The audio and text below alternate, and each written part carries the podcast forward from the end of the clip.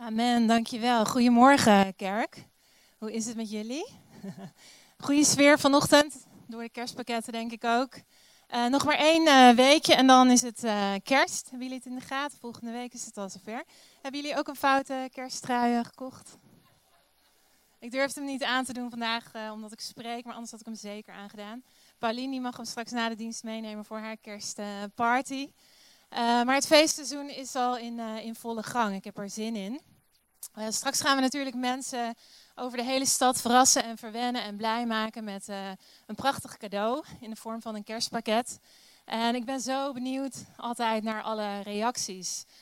Die uitdrukking hè, op dat gezicht van die alleenstaande moeder zonder geld, die een heel pakket met, vol met boodschappen gaat krijgen. vol met le lekker eten voor de kerst en voor de tijd erna. Die eenzame man die nooit naar de bioscoop uh, kan vanwege geldgebrek en straks een filmbon in zijn pakket vindt. Uh, of die jonge moeder met dat babytje in het blijf van mijn lijfhuis, die zich ineens weer waardevol voelt omdat ze iets krijgt van een van jullie. en het gezicht van het jochie, dat zie ik steeds voor me. dat voor het eerst een echte, misschien wel minion krijgt, wat hij zo graag wilde. nou, noem maar op. Ik ben heel benieuwd. Ik heb er alvast super veel zin in. Jullie ook? Ja. Uh, iets heel anders. Wie van jullie heeft de afgelopen week uh, wel naar de radio geluisterd?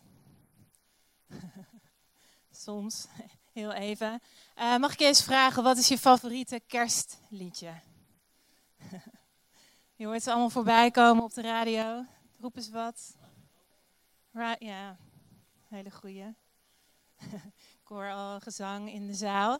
Ik dacht, uh, laat ik eens uh, beginnen mijn preek met een aantal van mijn favoriete kerstliedjes. Uh, de titels daarvan of zinnen uit die liedjes. Ik heb mijn favoriete liedjes achter elkaar te zetten en een nieuw liedje te maken. Dus dit is het geworden. jingle bell, jingle bell, jingle all the way. Santa Claus is coming to town. It's the most wonderful time of the year. And all I want for Christmas is you. Uh, but last Christmas, I gave you my heart, and the very next day, you gave it away. so it's gonna be a long and lonely Christmas without you. But still, I'm dreaming of a white Christmas. So I'll be driving home for Christmas. Jullie kijken me aan alsof, wat gebeurt hier? Dit is toch zondag, dit is een kerk. Dit is inderdaad complete onzin. Dat wou ik even neerzetten. ik hoop dat jullie dat ook uh, vinden, want geen een van deze liedjes gaat ook maar even over Jezus. Um, goed, hoe bereiden jullie je voor op de kerst volgende week? Is je huis al gezellig in de kerstsfeer? Uh, heb je al een kerstboom gekocht? Uh, weet je al wat, wat, er op eerste kerstdag op het menu staat? Ontbijt, diner, lunch. En op tweede kerstdag ga je gourmetten, net als ik. Uh, heb je al je boodschappen al besteld of zelfs al binnen? Uh, heb je kerstkaarten al geschreven of is dat uh, gruwelijk ouderwets tegenwoordig? Ik vind het nog steeds leuk om ze te ontvangen. ligt je kerstoutfit al klaar? En vooral ook belangrijk, heb je je cadeaus al gekocht? Ligt er iets, al iets onder jullie kerstbomen? Of ga je nog last minute shoppen deze week? Ik vind het zelf heel erg leuk om cadeaus te krijgen. Dat is mijn liefdestaal. Goed voor jullie ook om te weten. Kan er ook niks aan doen. Uh, maar het schijnt uh, zo te zijn dat een hele hoop uh, mensen rondlopen met het zogenaamde cadeau-dilemma deze maand. weet je wat ik daarmee bedoel? je hebt met elkaar afgesproken dat jullie elkaar cadeautjes gaan geven. maar de kunst bij het uitwisselen van die cadeaus is dat je moet inschatten uh, of raden een beetje hoeveel uh, de cadeaus die jij van je vrienden en familie gaat krijgen, gaat ontvangen, waard zijn. Zodat je hen ook cadeaus kunt geven met ongeveer dezelfde gelijke waarde. Een heel christelijk principe is dat. Um, want zo werkt het toch vaak. Um, ontvangen en weggeven moet een beetje in balans uh, zijn en blijven. Stel je voor dat je een duurder cadeau weggeeft dan je ontvangt. Uh, wat zou jij willen voor deze kerst? Wat zou jouw kerst compleet maken, de moeite waard? Um, misschien wel een pak sneeuw, maar die hebben we al gehad. Een uh, nieuwe foute kersttrui. uh, een lekkere parfum. God die gaf ons met kerst het beste cadeau ooit. Zijn naam is Jezus. Hij is het grootste, duurste, mooiste, beste cadeau dat je ooit kunt ontvangen. Jezus is Gods cadeau aan de wereld, aan ons, aan jou en mij.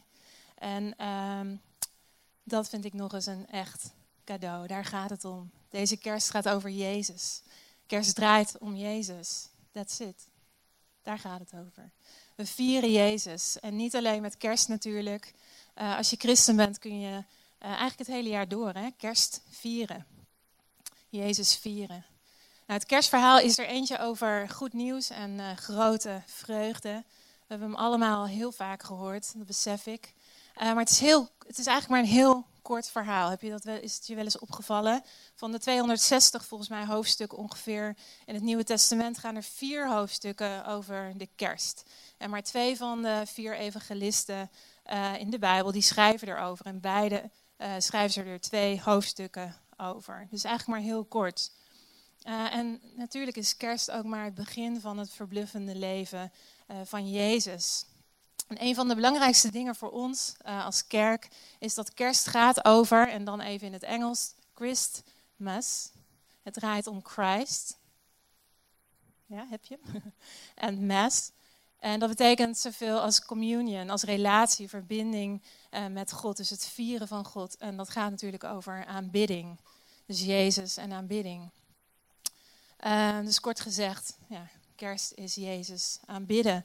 Uh, als het jou, ook jouw verlangen is, um, of als je dat uh, vandaag nog aan het onderzoeken bent, um, you've come to the right place at the right time. Hoe jij deze kerst gaat ervaren, uh, dat hangt natuurlijk helemaal samen met wie of wat je waar precies zoekt. Maar hoe dan ook, kerst gaat over Jezus en over jouw reactie op Hem. Jouw reactie op Gods grootste cadeau ooit. Dus wat is daarin in zo'n reactie gepast? Wat is normaal? Wat is gebruikelijk? Wat is nou een goede reactie op Jezus? Laten we het daar vandaag uh, over hebben.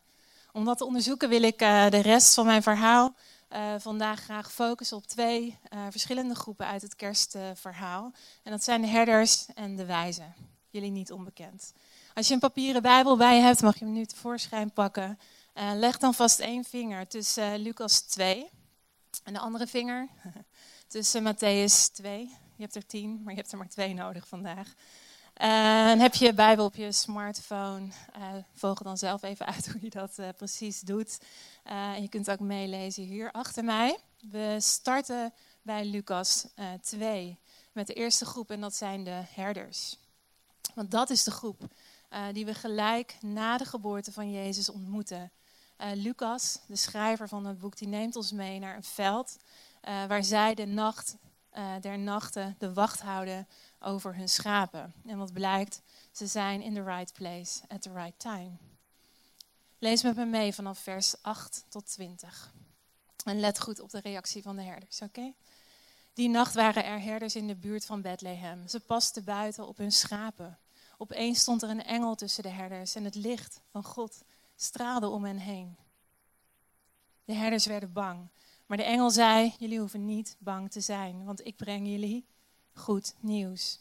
Het hele volk zal daar blij mee zijn. Vandaag is jullie redder geboren, Jezus de Heer. En hij is gekomen, geboren in Bethlehem, de stad van David. En zo kun je hem herkennen. Jezus ligt in een voerbak en is in een doek gewikkeld. En plotseling was er bij die engel een hele groep engelen. Ze eerden God en ze zeiden: Alle eer aan God in de hemel en vrede op aarde voor de mensen van wie God houdt. Daarna gingen de engelen terug naar de hemel. De herders zeiden tegen elkaar: Kom, we gaan naar Bethlehem, want God heeft ons verteld wat er is gebeurd.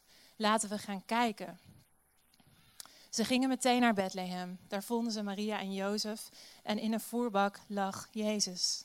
Toen de herders Jezus zagen, vertelden ze wat de, wat de engel over hem had gezegd. Iedereen, iedereen die het hoorde was verbaasd over het verhaal van de herders. Maria probeerde te begrijpen wat het betekende. Ze bleef nadenken over wat de herders had, hadden gezegd. De herders, zij gingen terug naar hun schapen. Ze eerden God en dankten hem voor alles wat ze gezien en gehoord hadden.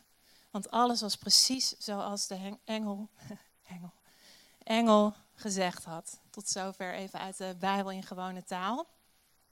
Oké, we vinden hier de herders met hun schapen buiten in de nacht. Je zou kunnen zeggen, het zijn gewoon gewone locals, of hoe zeg je dat? Gewoon uit de buurt. En ze zijn gewoon aan het werk, uh, niks bijzonders. Ze, je zou kunnen zeggen, minding their own business. En ze probeerden gewoon de nacht goed en veilig, denk ik, door te komen, samen met hun schapen. Alert op uh, roofdieren. Uh, misschien hielden ze de buienradar scherp in de gaten, in verband met stormen die je daar wel had. En uh, zo nu en dan kan ik me voorstellen dat ze even met elkaar een gesprekje hadden, zo van, hoe is het met jou vrouw? Goed, goed. hoe is het met die van jou? Ja, goed. Hoe is het met de kids? Goed. Heel interessant. ze verwachten eigenlijk niks speciaals die nacht. Maar ze zijn wel uh, mooi de aller, allereerste groep uh, mensen aan wie God vertelt over de geboorte van Jezus. Zij zijn de eerste die het goede nieuws uh, krijgen. Dus ik dacht, waarom zij? Waarom nou deze herders? En wat me opvalt, in preken over de kerst worden herders vaak neergezet als heel ruw en rauw en simpel. Met weinig aanzien. mensen of lui waar anderen op neerkijken. En tuurlijk hebben we het hier over herders uit het gewone volk. Met een baan waar je niet, misschien niet echt heel rijk van wordt. Uh, maar let op, het beroep van herder uh, in die tijd, daar werd positief uh, tegen aangekeken. Het was vooral ook een beroep waar veel mensen zich mee konden identificeren. Zeker in die regio hè, rond Jeruzalem en omstreken waar veel herders waren die hun schapen verkochten en slachten om te gebruiken voor offers in de tempel. Hoe gaaf is het dan dat uh, God juist deze herders uh, het eerst vertelt over Jezus? Jezus het ultieme lam dat zal worden geslacht om de zonde van de wereld uh, weg te nemen.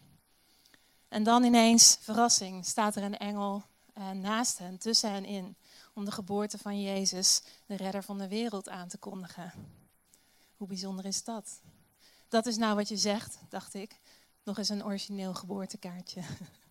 uh, vorm van een geboortekaartje. Die arme herders, ze schrikken zich een hoedje. Hoezo verrassing? Ze zijn super bang. En wat doet de engel? Hij geeft hen eigenlijk drie aanwijzingen. Je hebt ze net gehoord. Zoek naar een, uh, een baby, check. Uh, zoek, hij ligt in een voederbak, check. Ehm, is gewikkeld in doeken, check. Drie aanwijzingen. Een engel geeft ze deze aanwijzingen niet voor niks. Uh, misschien herinner je uit het verhaal dat het topdrukte is in Bethlehem. Iedereen is daar om zich te registreren. Er is geen slaapplek uh, meer te vinden. En dan ineens nog meer engelen, miljoenen misschien wel. Hoe bedoel je in the right place at the right time? Het zal je maar gebeuren tijdens je werk. Dit is um, de tweede keer dat er een groep engelen verschijnt uh, in de Bijbel. Dus dat is sowieso heel bijzonder zegt mij, luister goed, hier uh, gebeurt iets. Uh, hier is iets aan de hand. En in koor uh, zingen de engelen glorie, eer aan God in de hemel. En vrede op aarde voor de mensen van wie God houdt. Dat is nou nog eens echt een mooi kerstnummer. Dat is mijn favoriet. Ik hoor twee dingen in het lied van de engelen. glorie aan God is nummer één. En twee is vrede aan onze mensen. Dus twee dingen om te onthouden. De engelen zeggen eigenlijk zoveel als jongens, Jezus is geboren, hij is hier. Geef glorie aan God. Dit komt neer op aanbidding. En twee, ontvang vrede op aarde en geef die vrede door aan alle mensen van wie God houdt. Dus valt het je op, het gaat hier over vrede, bedoeld voor alle mensen, alle mensen van wie God houdt. En wat wil nou? God houdt van alle mensen. Geen uitzonderingen op de regel. God houdt van de hele mensheid. Hij houdt van de hele wereld. En Jezus die kwam voor iedereen. Iedereen kan zijn vrede ontvangen. En met die eerste kerst uh, breekt er een nieuw tijdperk aan, een mooie tijd. Vanaf dat moment is er voor iedereen redding beschikbaar via Jezus. Het enige wat je hoeft te doen is reageren uh, op dit fantastische aanbod in en van Jezus. En er zijn twee reacties mogelijk. Je kunt het cadeau accepteren, ontvangen, of je kunt het weigeren. Wat is jouw reactie op Jezus? Op Gods grootste cadeau ooit. En nu we het toch over de herders hebben, hoe reageren deze herders? Ze weten niet hoe snel, dat staat niet zo heel mooi in deze vertaling die ik net las, maar ze weten niet hoe snel ze ehm, bij Jezus kunnen komen. Ze gaan op zoek, ze rennen als het ware naar hem toe. Ze gaan op zoek naar Jezus. Er zit urgentie in hun reactie. Snel, nu, kan niet wachten om Jezus te ontmoeten. Ze zijn gretig, hongerig, enthousiast en ze zijn niet te houden. En ze vinden Jezus. Herinner jij je nog de dag dat je Jezus vond? En hij jou of hij jou? De herders vinden Jezus en vertellen Jozef en Maria wat ze de engel uh, over Jezus hebben horen zeggen. En dan zie je weer verschillende reacties op het verhaal van hen. Vers 18 stond: Iedereen die het verhaal over Jezus van de herders hoort, is verbaasd. En dat is heel mooi, verbazing, hè? Dat is heel mooi. Maar het is niet hetzelfde als geloof. Tweede reactie is die van Maria in vers 19. Maria probeert te begrijpen wat het betekent. Ze blijft nadenken over wat de herders precies gezegd hebben. Dus Maria, wat je bij Maria ziet, ze is onder de indruk. En bewaart de woorden in haar hart, staat er in een andere vertaling. Ze heeft eigenlijk meer tijd nodig om er verder over na te denken, de woorden te verwerken. En dan de derde reacties, die van de herders, vers 20. De herders gaan terug naar hun schapen. Ze aanbidden God en danken Hem voor alles wat ze gezien en gehoord hebben. Want alles is precies uh, zoals de engel uh, had gezegd. De herders reageren dus met aanbidding. Ze aanbidden Jezus. En in de message-vertaling, de Engelse vertaling, staat daar dan: Seeing was believing. Wat een fantastische reactie van de herders. Geloof gevolgd door aanbidding. Maar er volgt nog meer. Weet je nog, glorie aan God in de hemel. Vrede op aarde voor mensen van wie God houdt. Dus als de herders uh, Jezus hebben ontmoet, uh, gaan ze terug naar hun schapen en vertellen ze iedereen over Jezus, over vrede, over de vrede die Hij geeft. Niet alleen aan de mensen die ze misschien onderweg tegenkomen op hun weg terug, maar vast denk ik ook aan hun vrienden, hun familie uh, in Bethlehem, Jeruzalem. En aan de middenklassers en priesters die schapen bij hen, hen komen kopen om in de tempel te gaan offeren. Het, uh, het, ontvangen van Gods grootste cadeau ooit is dan misschien in eerste instantie een privézaak. Iets tussen jou en God.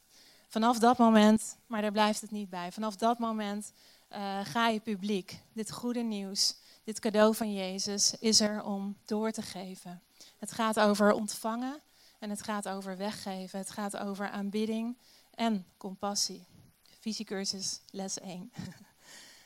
Natuurlijk is uh, aanbidding, onze aanbidding is exclusief. Uh, in de zin van, we, we aanbidden alleen Jezus. Jezus alleen. Niemand anders is onze aanbidding waard. maar aanbidding is ook inclusief. Iedereen is uitgenodigd, of je nou arm bent, zoals de herders hier, of rijk bent, zoals de volgende groep waar ik het over wil hebben met jullie, die Jezus ontmoeten, de wijzen. Dus even genoeg, we laten de herders even achter ons. Uh, we gaan door naar Matthäus 2. Um, ehm, heb je je vinger er nog tussen halen?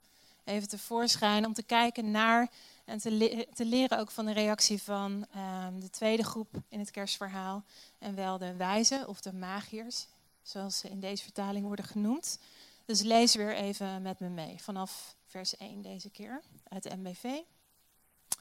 Toen Jezus geboren was in Bethlehem, in Judea, tijdens de regering van Herodes, kwamen er magiërs uit het oosten in Jeruzalem aan.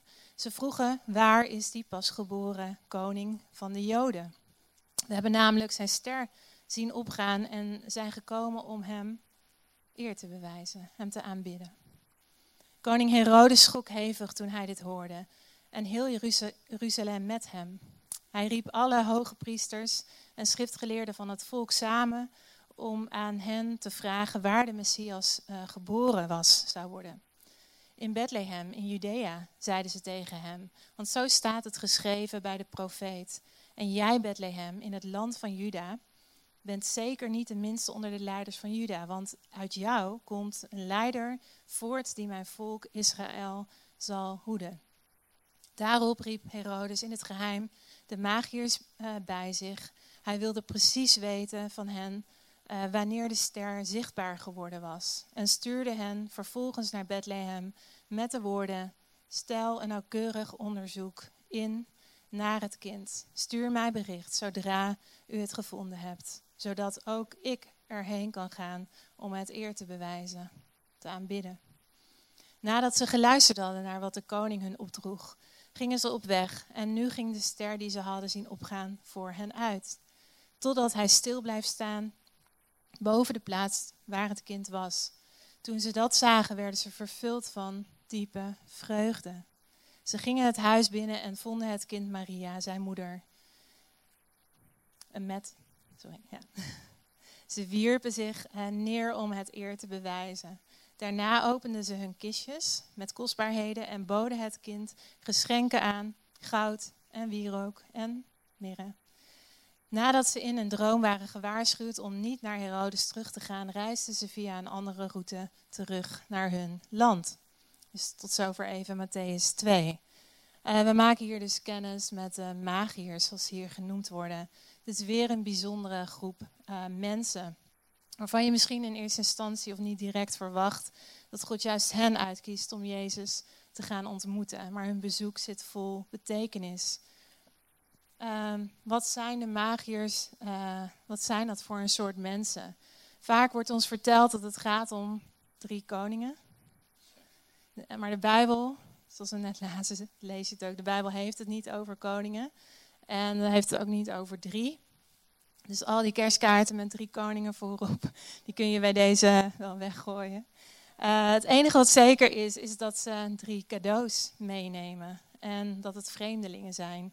Uh, ze reizen in van buiten Israël. Het is absoluut uh, een groep mensen tegen wie de lezers van Matthäus in die tijd negatief aankeken. Het was ver van hun bed, magiërs. en niet alleen omdat ze uit een ander land komen, Um, ja, we hebben het hier dus ook nog eens over magiërs. Dat klinkt mysterieus en dat is het ook. Um, wij zouden misschien eerder zeggen astrologen, mannen die geïnteresseerd zijn in ieder geval in dromen, astrologie, uh, magie en in toekomstvoorspellingen.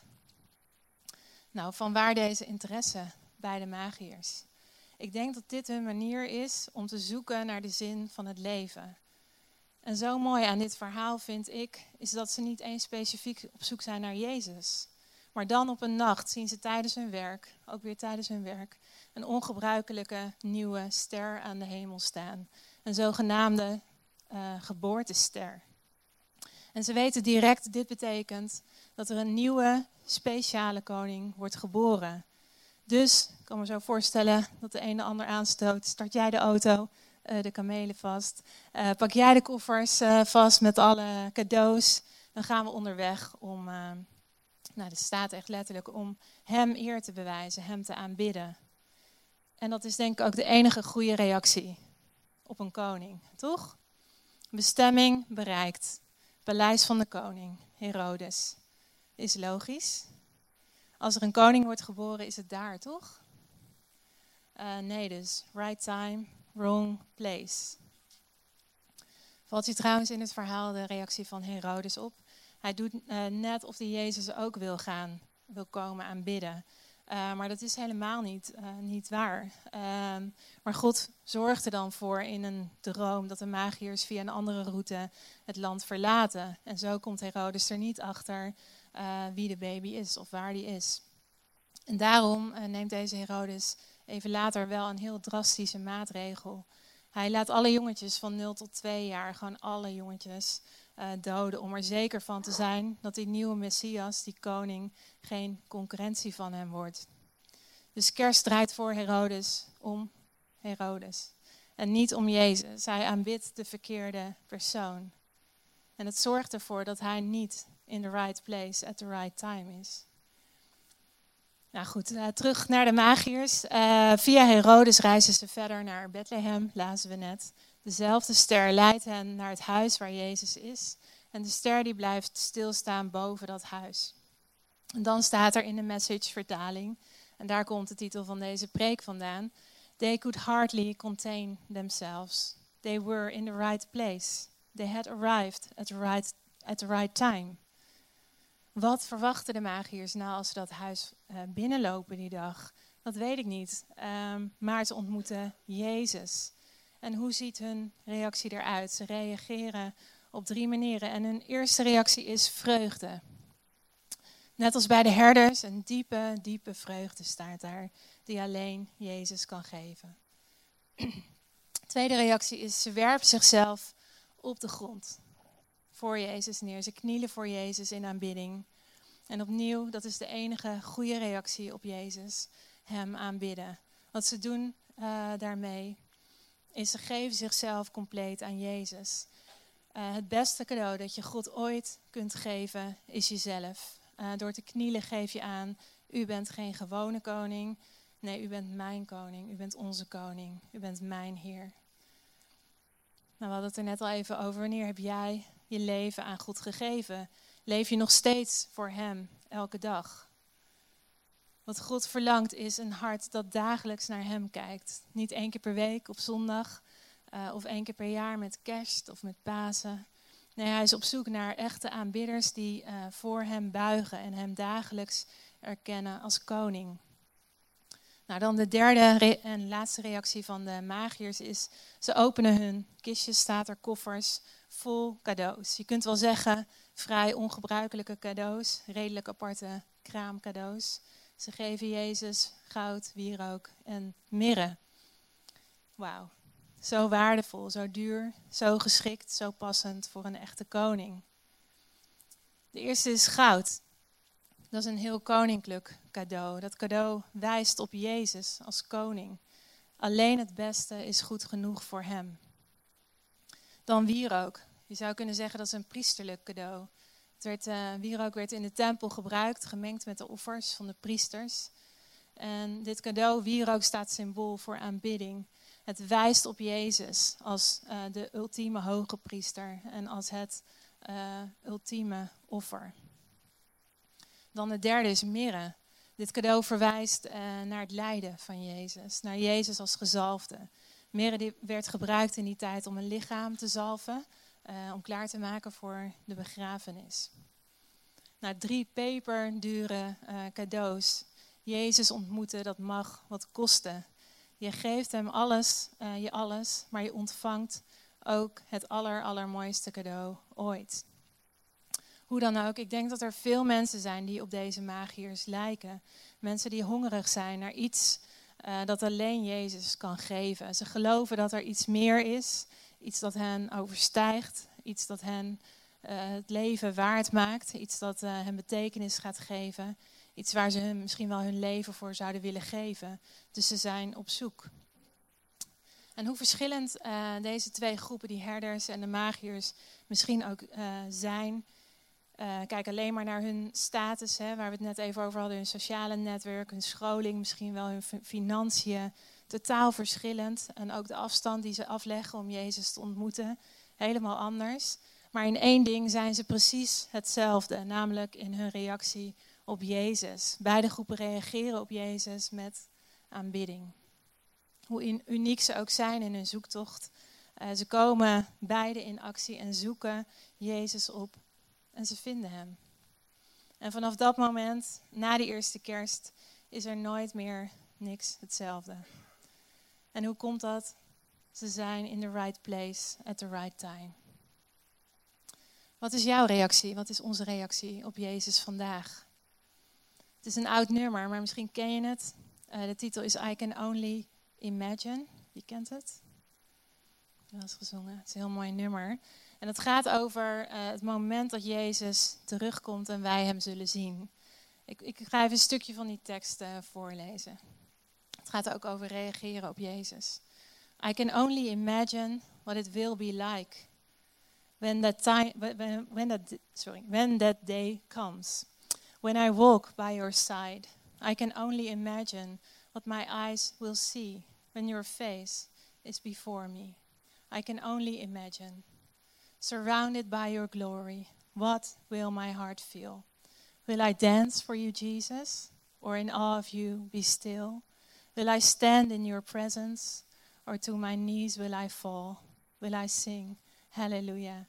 Will I be able to speak at all? I can only imagine when all I will do is forever, forever, forever worship you. Wat denk jij, hoe ga jij reageren als Jezus straks terugkomt? Als Hij straks voor je staat, wat is jouw reactie? Die uh, eerste kerst ooit kwam Jezus naar de wereld om Gods koninkrijk aan te kondigen, om vrede uh, te geven aan iedereen uh, die de vredevorst wil ontvangen. En er ligt een kerst in de toekomst waarin Jezus terugkomt. Dan is Gods koninkrijk af. Vrede voor iedereen die in Jezus gelooft. Wat is jouw reactie vandaag op Jezus? Waarom overweeg je niet om jezelf te geven? Als je je hart nog niet aan Jezus hebt gegeven of niet volledig, doe het dan nu, vandaag en ontvang het grootste cadeau, cadeau ooit. En voor iedereen hier, uh, wat geef jij weg met kerst dit jaar? Geef je tijd aan, aan je familie en aan je vrienden. Geef je liefde aan mensen die het moeilijk hebben. Geef je vriendschap aan mensen die eenzaam zijn. Geef je aandacht aan de mensen aan de rand van de samenleving. Geef het beste wat je hebt. Geef Jezus door aan anderen, net als God deed met die kerst. Wat je ook doet, wat ik heb willen communiceren vandaag is: aanbid Jezus, ontvang zijn vrede en geef zijn vrede door. En dat geldt zometeen zeker ook bij onze kerstpakketten. Bij het weggeven van onze mooie cadeaus aan anderen hier in deze stad. We gaan onze prachtige cadeaus uh, weggeven. En zoals we de laatste weken hebben gecommuniceerd met onze presents, brengen we de presence en vrede van Jezus in de huizen van mensen om ons heen. Deze kerst uh, draait het allemaal om het grootste cadeau dat je ooit hebt kunnen ontvangen. Het gaat om Jezus. And when the church leaves the building, we will be in the right place at the right time. Vandaag nog. Dus we gaan staan. Mag ik Michiel vragen om naar voren te komen? Met de band.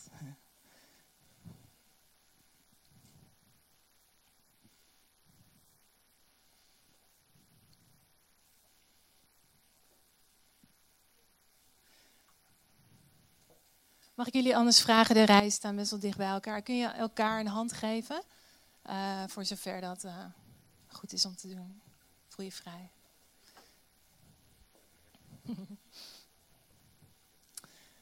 Wat ik eigenlijk wil doen is, uh, laten we gewoon kort reageren op Jezus. doe dat zelf, persoonlijk, hè, waar je staat. Um, en ik bid ook zo meteen een gebed uit over de kerstpakketten en over jullie. Um, en laten we dan nog één lied zingen en dan gaan we er gewoon op uit om onze pakketten uh, weg te geven. Dat is onze tijd van bediening vandaag.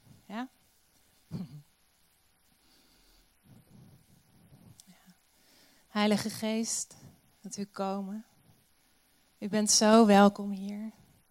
Heer, kom met meer van uw aanwezigheid. Kom met meer van uw aanwezigheid voor degene links en degene rechts van ons. Heer, vul deze ruimte met Jezus. Heer, mogen we uw liefde opnieuw ervaren. Vader, dank u wel voor wat u aan het doen bent in ons midden vandaag. En we zegenen wat u aan het doen bent. En dank u wel voor wie u bent, Jezus. We aanbidden u.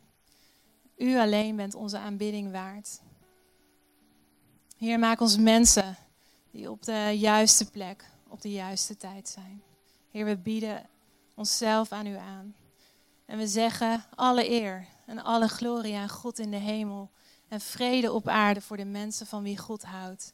Aan de mensen op wie Gods gunst rust. Zo spreken we Gods vrede over, over elkaar uit.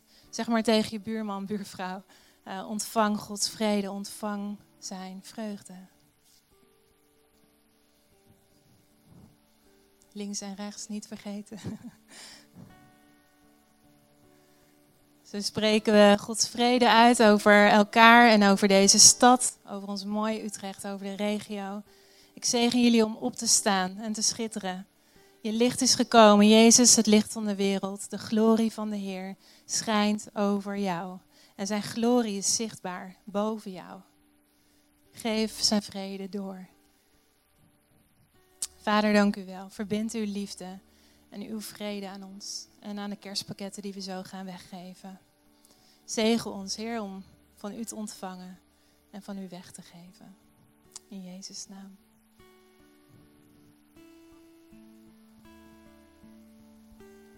Heel kort uh, noemen, anders. Uh, wat we doen is, we gaan